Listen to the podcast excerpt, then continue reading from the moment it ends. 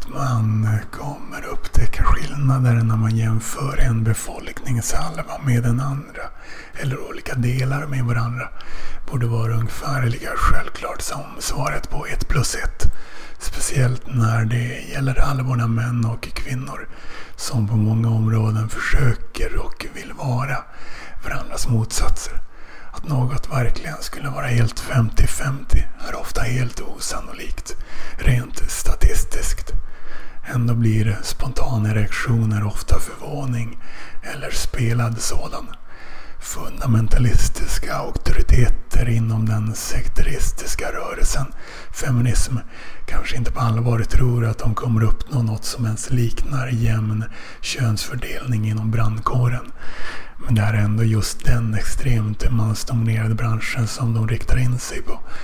Delvis på grund av tumregeln att jämnt är bra och ojämnt är dåligt.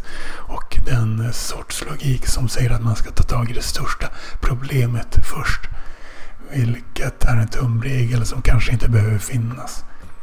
Om du vill förändra social dynamik på brandstationer, gör det själv om du klarar utbildningen utan att skattefinansierade normkritiserare först имеешь в виду